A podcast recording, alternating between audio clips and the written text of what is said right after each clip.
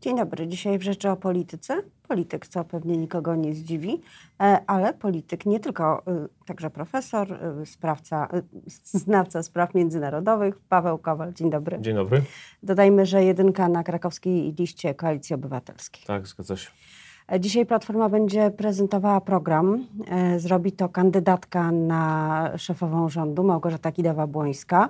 Czy on będzie oparty na sześciopaku Grzegorza Schetyny? Tam były takie ogólne dosyć punkty, ale uszeregowane tak, że na początku była wolność i demokracja. Czy taki będzie ten program? Tak, ten program będzie oparty o, będzie po prostu rozwijał te y, płaszczyzny czy pola, które zarysował Grzegorz Schetyna w swoim wystąpieniu y, kilka tygodni temu na początku wakacji i po prostu kandydatka na szefową rządu do, dopowie do tego trochę, rozszerzy je, zgłosi szczegółowe propozycje.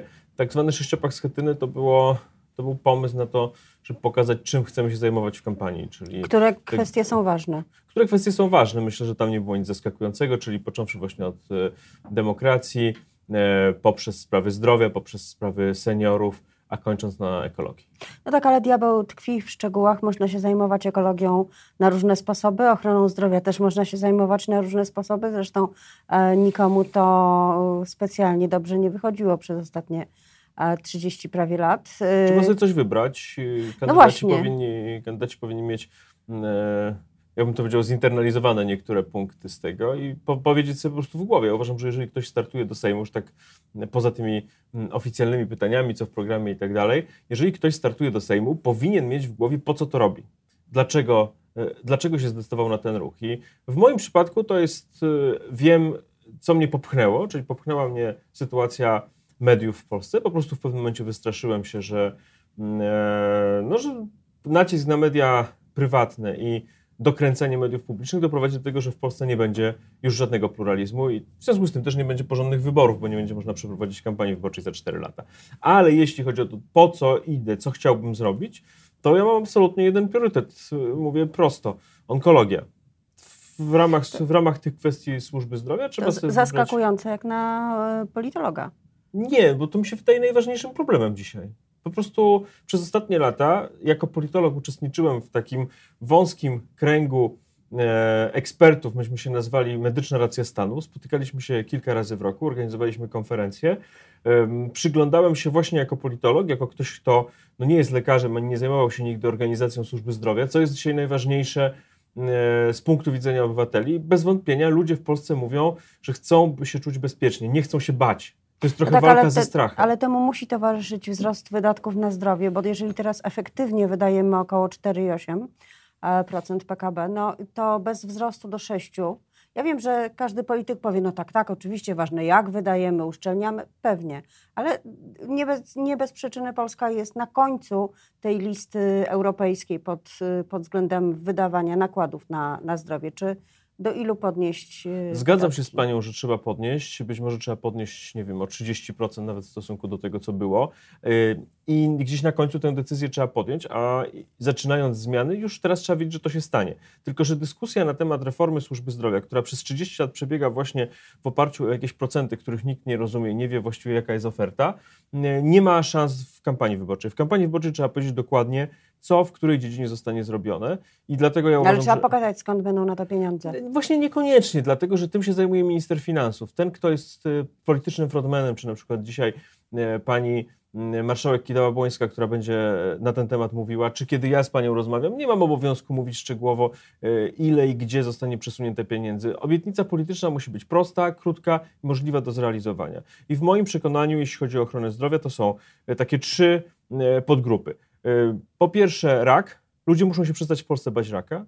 I drugi z głównych zabójców, czyli na przykład rak jelita grubego, powinniśmy doprowadzić do sytuacji, że wszystkie możliwe, że wszystkie możliwe e, lekarstwa i dostęp do wszystkich możliwych diagnoz jest taki sam dla kogoś, kto zachoruje na tego raka pod Jasłem, czy, czy, czy pod Miechowem, czy w Warszawie. Druga sprawa to są choroby cywilizacyjne, tutaj głównie cukrzyca. My się ciągle boimy cukrzycy, ponieważ to jest e, duża grupa ludzi, być może około 3 milionów mieszkańców Polski. Oni też muszą mieć dostęp do najnowszych e, no tak, ale lekarstw. muszą mieć świadomość tego, do czego cukrzyca prowadzi, bo wydaje się e, na pierwszy rzut ucha pacjenta, który nie chorował, który dopiero się z tym styka, no cukrzyca, cóż będę brać tabletki, może trzeba będzie brać insulinę y, w zastrzykach, ale właściwie od tego się nie umiera. Umiera się. Umiera się, trzeba o tym powiedzieć. e, Być może to powinno być związane z akcjami jeszcze e, uświadamiającymi, ale cukrzyca jest straszna także dlatego, że ona powoduje kolejne różne schorzenia, wy, wy, wyciąga ludzi z rynku pracy, odbiera ludziom komfort, komfort życia, a i tak, ponieważ to trwa bardzo długo, obciąża, jeżeli chcemy w takim finansowym e, klimacie o tym porozmawiać, a i tak obciąża państwo na różne sposoby e, i, i ZUS, i, i, i- także mm, poprzez refundację leków i tak dalej, i tak dalej. Krótko mówiąc, trzeba to po prostu nie stawiać już e, e, wozu przed koniem, tylko powiedzieć, najważniejsze jest, jeżeli ktoś jest chory na insulinę, na, na cukrzycę, zdiagnozować zawczasu, czyli czy zdiagnozować wtedy, kiedy to jest możliwe, najszybciej jak się da i do, doprowadzić do tego, żeby miał dostęp do tych lekarzy, do których ma pacjent w podobnej sytuacji e, w Holandii czy w Belgii. Dzisiaj No dobrze, tego nie czyli mamy. mamy dwa punkty, trzeci. Ja bym powiedział, że trzeci to są choroby rzadkie i ultrarzadkie. To jest, to, to nie, tutaj nie chodzi o skalę, bo tu akurat skala jest minimalna, można powiedzieć, ale to chodzi o zobowiązanie moralne społeczeństwa, że jeżeli komuś się zdarzy, bez żadnej jego winy, po prostu tak mu się w życiu ułoży, że ma chore dziecko i że dziecko jest chore na chorobę, zaburzeniami odporności, z, To są różne choroby, tak. genetycznymi. Jest, jest Charakteryzują- tego sporo. Charakter, jest ich sporo, ale każda z nich jest mało liczna. Czasami to jest kilka osób w, w roku, czasami naprawdę to są pojedyncze przypadki. Dzisiaj dość często Narodowy Fundusz Zdrowia nie finansuje tych e, terapii, znaczy lekarstw i, e, i, i opieki. Dlaczego? Dlatego, że to jest drogie jednostkowo. W skali państwa to nie są duże pieniądze. A mi się wydaje, że to byłby taki sygnał, że jesteśmy moralni jako państwo, że zachowujemy się etycznie że jeżeli ktoś się podejmuje e, sam wychowywać dziecko, nie oddaje go nigdzie, dba o nie, no, to jest taki konkretny życiowy przykład. I do tego nie ma w tym najmniejszej jego winy. Bo jeżeli mamy cukrzycę, to powiedzmy sobie między sobą, czasami to też jest trochę naszej winy. No chyba, że jest wrodzona. Chyba, ale że jest wrodzona, Ja bym ale- chciała, żebyśmy już troszkę odeszli od tematyki medycznej, bo jednak No to nie jest tematyka medyczna, to jest tematyka społeczna. Trzeba ludziom w tych wyborach powiedzieć coś, co Okej. można zrobić w ciągu 3-4 lat. Te trzy rzeczy na przykład moim zdaniem spokojnie można zrobić. A co zrobiłby pan z systemem e, Pegasus? M, Rząd prawdopodobnie, wszystko na to wskazuje, y, zakupił taki system, system takiej powszechnej e, inwigilacji, dostępu do każdego właściwie nośnika, e, do którego władza, czy ktokolwiek go posiada, chciałby mieć e, dostęp. No i on jest, że tak powiem, na stanie. Przychodzi, załóżmy, rząd Platformy Obywatelskiej i co? Znaczy ja uważam, że to... Odsprzedać komuś? Ja uważam, znaczy ja uważam, że tutaj muszą być ostre obwarowania prawne, jeżeli chodzi o prywatność. Jestem załamany, szczerze mówiąc. Załamany jestem wypowiedzią, któryś z polityków PiSu powiedział, że jeżeli ktoś jest e, czysty, moralny, to, Tak, niech to minister nie, to, to nikt się nie obawia. Jestem załamany tym, że ludzie, którzy pochodzą z partii, bo wie, wie pani, na czym polega największy paradoks? Na tym, że to jest partia, która przecież swoje korzenie ma w Solidarności i w walce o wolność. I dzisiaj po prostu ludzie z tej partii opowiadają takie rzeczy i w ogóle nie zastanawiają się, co oni mówią. E, Coś jest z tym po prostu niesam- niesamowitego, co się stało z ludzkimi głowami przez te 30 lat wolności. Ale po co państwu w ogóle taki system? Skąd, skąd pomysł? Znaczy, ja rozumiem chęć, że y, kiedy władza jest rzeczywiście totalna czy autorytarna, y, rozumiem, że może kontrolować obywateli tak, jak Chiny próbują kontrolować internet, y, dostęp do internetu swoich obywateli. Ale w Polsce? Ja, ja rozumiem nawet, że władza używa bardzo wyrafinowanych metod, także takich, ale to musi być w ramach prawnych.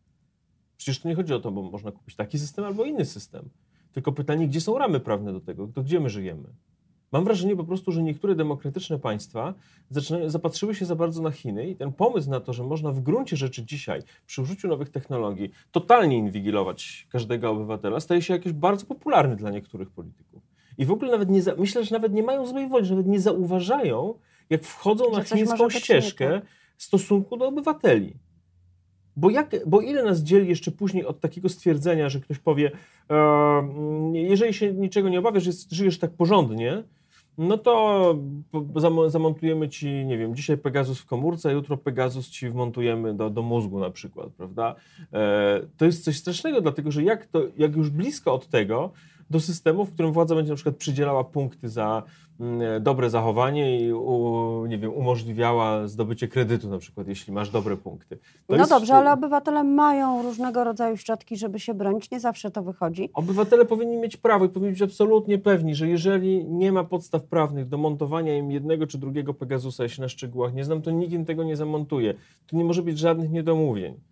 A czy obywatele, y, a tutaj myślę o konkretnej grupie obywateli, jaką są sędziowie, y, mają prawo y, dokonywać działań, które wyłączą z orzekania tych sędziów, którzy byli delegowani do Ministerstwa Sprawiedliwości i tam w jakiś sposób wzięli udział, co jeszcze nie było tematem, czy może jest tematem postępowania, ale nie ma jeszcze ustaleń, e, w tak zwanej aferze hejterskiej, w hejtowaniu z, swoich kolegów.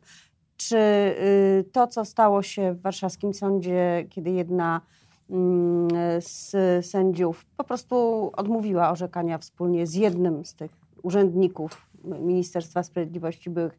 Czy panu się to wydaje dobrą metodą walki z, no nie wiem, niesprawiedliwością, aferą?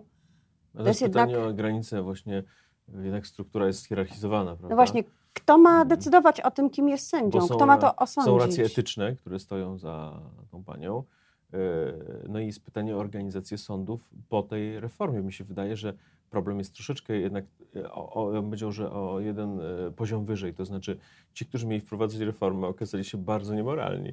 Ci sędziowie, prawda? Oni zgodzili się, zgłosili się do polityków. Politycy powiedzieli, chcemy reformy, chcemy, żeby ona szła w tym kierunku.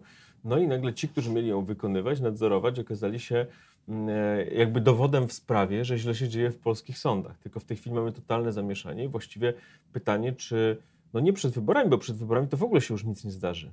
Pytanie po wyborach, jak, jak, jak uspokoić sytuację w polskich sądach, bo ja myślę, że to nie jest jednostkowa sytuacja z, Właśnie, z tą się, panią sędzią. Czy to się da odkręcić? To znaczy, czy y, przyjmowanymi być może również szybko Emocjonalnie ustawami... moim zdaniem to się nie da odkręcić, dlatego, że mamy z jednej strony sędziów, którzy się czują upokarzani, którzy byli wyzywani, którzy byli y, publicznie, także w mediach rządowych y, dezawuowani, a z drugiej strony mamy sędziów, którzy no, przyszli w togach moralistów, E, a okazali się, no, włos się na głowie jeży.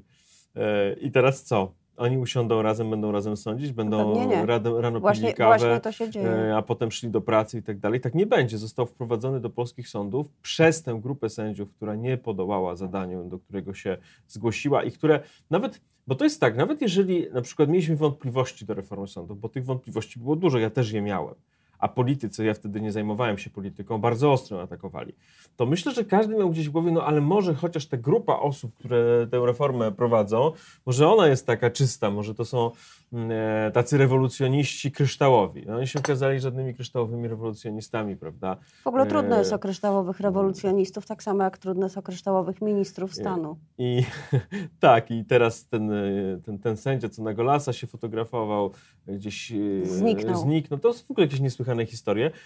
One są wszystkie, każda z nich jest ciekawa, ale najciekawsze jest to, co zrobić z sądami po, po, po wyborach. I myślę, że dzisiaj to jest może największe wyzwanie, przed którym stoją politycy, ci, którzy znają się na wymiarze sprawiedliwości. Jak pogodzić to środowisko, żeby ono znowu zaczęło normalnie funkcjonować? No ciekawe, czy to będzie możliwe. Na razie propozycji także ze strony Koalicji Obywatelskiej nie słyszałam.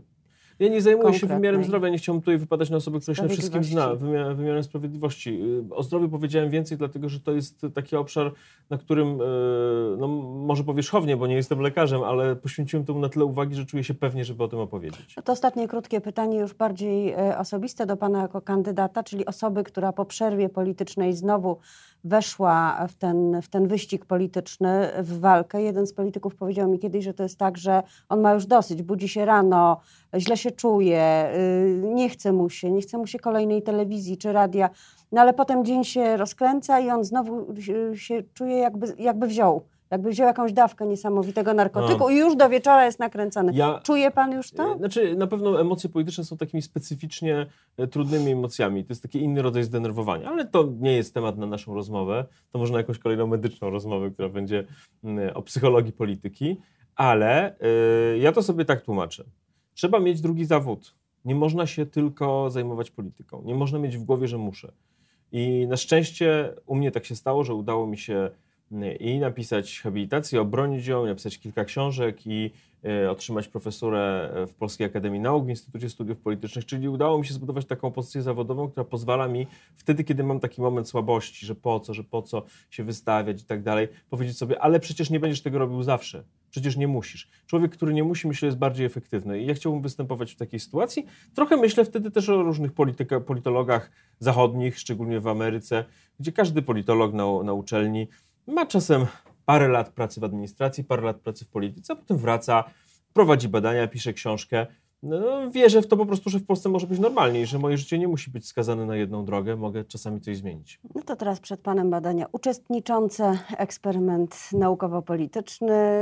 Bardzo dziękuję. Moim gościem był Paweł Kowal, który nie musi, ale może i kandyduje z Krakowa z Koalicji Obywatelskiej. Dziękuję bardzo.